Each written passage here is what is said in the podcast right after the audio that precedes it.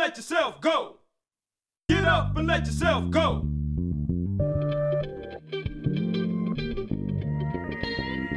Dette er en podkast fra Tro og tvil.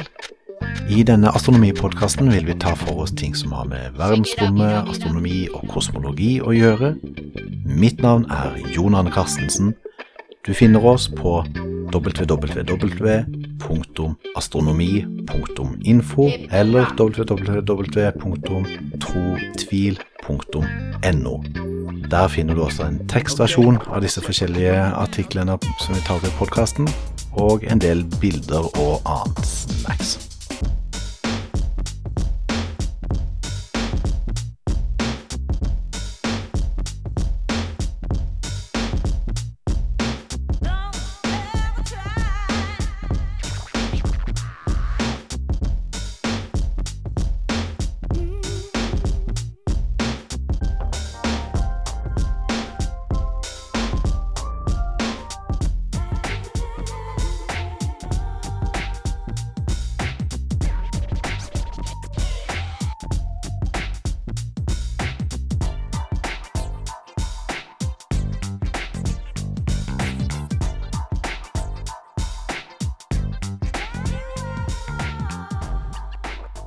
Velkommen til dagens episode av Astronomi på norsk.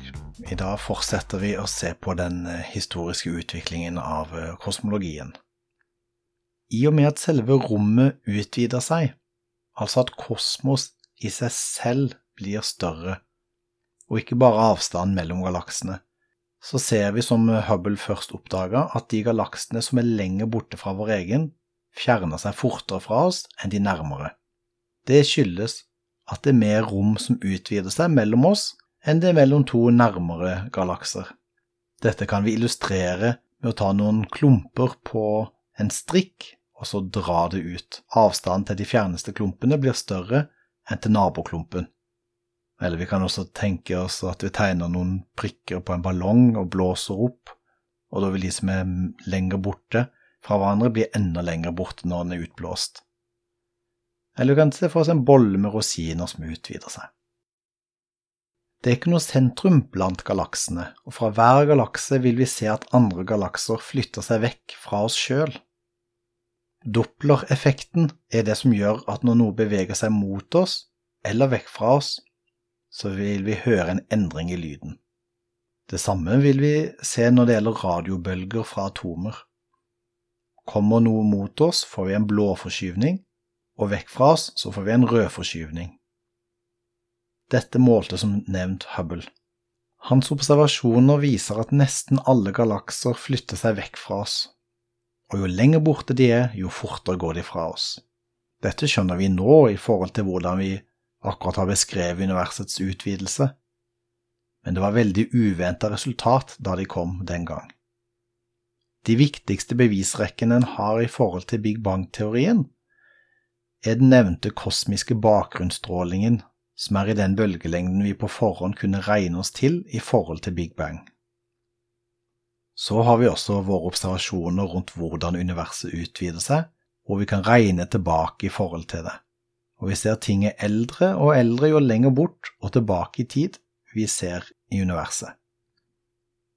Det er slik at vi kan lage en graf med avstand og tid som akser og jo lenger vekk i avstand vi ser ut i universet, jo lenger tilbake i tid ser vi også. Vi har også Olberts teorem, som påpeker at om universet hadde vært uendelig gammelt og uendelig stort, ville det i alle slags retninger vært en stjerne, og hele himmelen hadde da vært blendende hvit.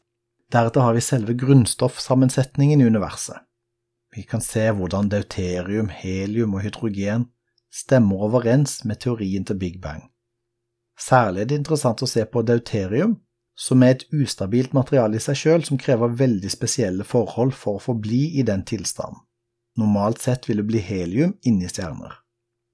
Dette skjedde ikke da Big Bang brått avslutta den kjernefysiske prosessen i det tidlige universet, hvor fremdeles det da var en del atomer som var i mellomtilstanden deuterium.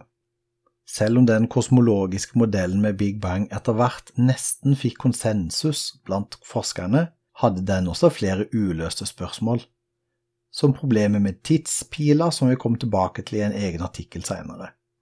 Og vi har også utfordringer i forhold til universets struktur og ujevnheter, som vi òg kommer mer tilbake til. Et av de største problemene var hvorfor temperaturen i rommet er så lik overalt. En forsto ikke hvorfor et så stort univers har rukket å få så lik temperatur ennå. Du kan sammenligne det med at det tar tid når du heller varmt vann i et badekar med kaldt vann, før det varme vannet utjevner og regulerer alt det kalde vannet.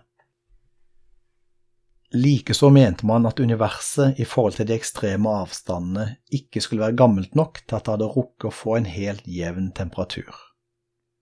Ut fra dette fikk vi inflasjonsteorien lansert av Alan Gutt. Den sier at helt tidlig var universet så samla at det fikk påvirka hele seg sjøl. Litt etter Big Bang så fikk vi en enorm ekspansjon som var raskere enn lysets hastighet. Inflasjonsfasen var dominert av vakuumenergi som varte i 10 minus 33 sekunder. Den pågikk nesten umiddelbart etter at Big Bang oppsto. 10 minus 33, det skal forresten leses som 0, og så videre med 33 nuller bak, og 1 sekund. Denne inflasjonsfasen med eh, voldsom vakuumenergi, den vakuumenergien var frastøtende og den førte til en enorm ekspansjon i en størrelsesfaktor på minst 10 i 54 potens. Eller for å si det mer folkelig, inflasjonen går ut på at universet i et kort øyeblikk fikk en ekstrem vekst som var større enn en million, trillion, trillion fordobling i størrelse på i løpet av under en million, million, milliondels sekund. Så gikk vakuumenergien over til å bli partikler og stråling, og universet var blitt homogent, altså temmelig likt alle steder, og isotropt, likt i alle retninger. En tenker dette ikke bryter fysikkens hastighetsgrense om å gå over lysets hastighet, fordi det var ikke materie i seg selv som gikk fortere enn lyset, men selve rommet. Inflasjonsteorien er, selv om den er veldig populær, noe som ennå inneholder mange spørsmål. Gutt regner med at inflasjonen skjedde etter at gravitasjonen hadde brutt ut fra de andre tre kreftene, men mens de andre ennå var forent. WMAP-målinger av universets bakgrunnsstråling ble sett på som en støtte til inflasjonsteorien, selv om det strengt tatt ikke er et direkte bevis for denne. Det VMAP og senere Planck har eh, vist oss, er at kvantefluktuasjoner nok har forekommet i stor skala tidlig i universet, og dette er for så vidt en nøkkelegenskap i forhold til inflasjonsteorien. Men den klassiske standardmodellen for det varme Big Bang fikk seg nesestyver i 2013, da Planck kom med mer detaljerte kartlegginger enn noen gang før rundt temperaturvariasjoner i rommet. Observasjonene viser 10% mindre temperaturvariasjon enn modellen tilsier. Kanskje enda mer overraskende er det at Planck ser ut til å vise at universet har en foretrukket retning. Det er 6% mer temperatur i en himmelretning enn en annen. Dette rokker med selve grunnpilaren i kosmologi, hvor en forutsatte at universet var isotropt, og en har ingen gode forklaringer på hva dette betyr ennå. Med det så avslutter jeg den innledende fasen i forhold til kosmologi, og neste gang da skal vi se nærmere på The Big Bang, teorien rundt universets begynnelse, som vi for så vidt har scratcha litt borti nå også. Takk for i dag, og på gjenhør.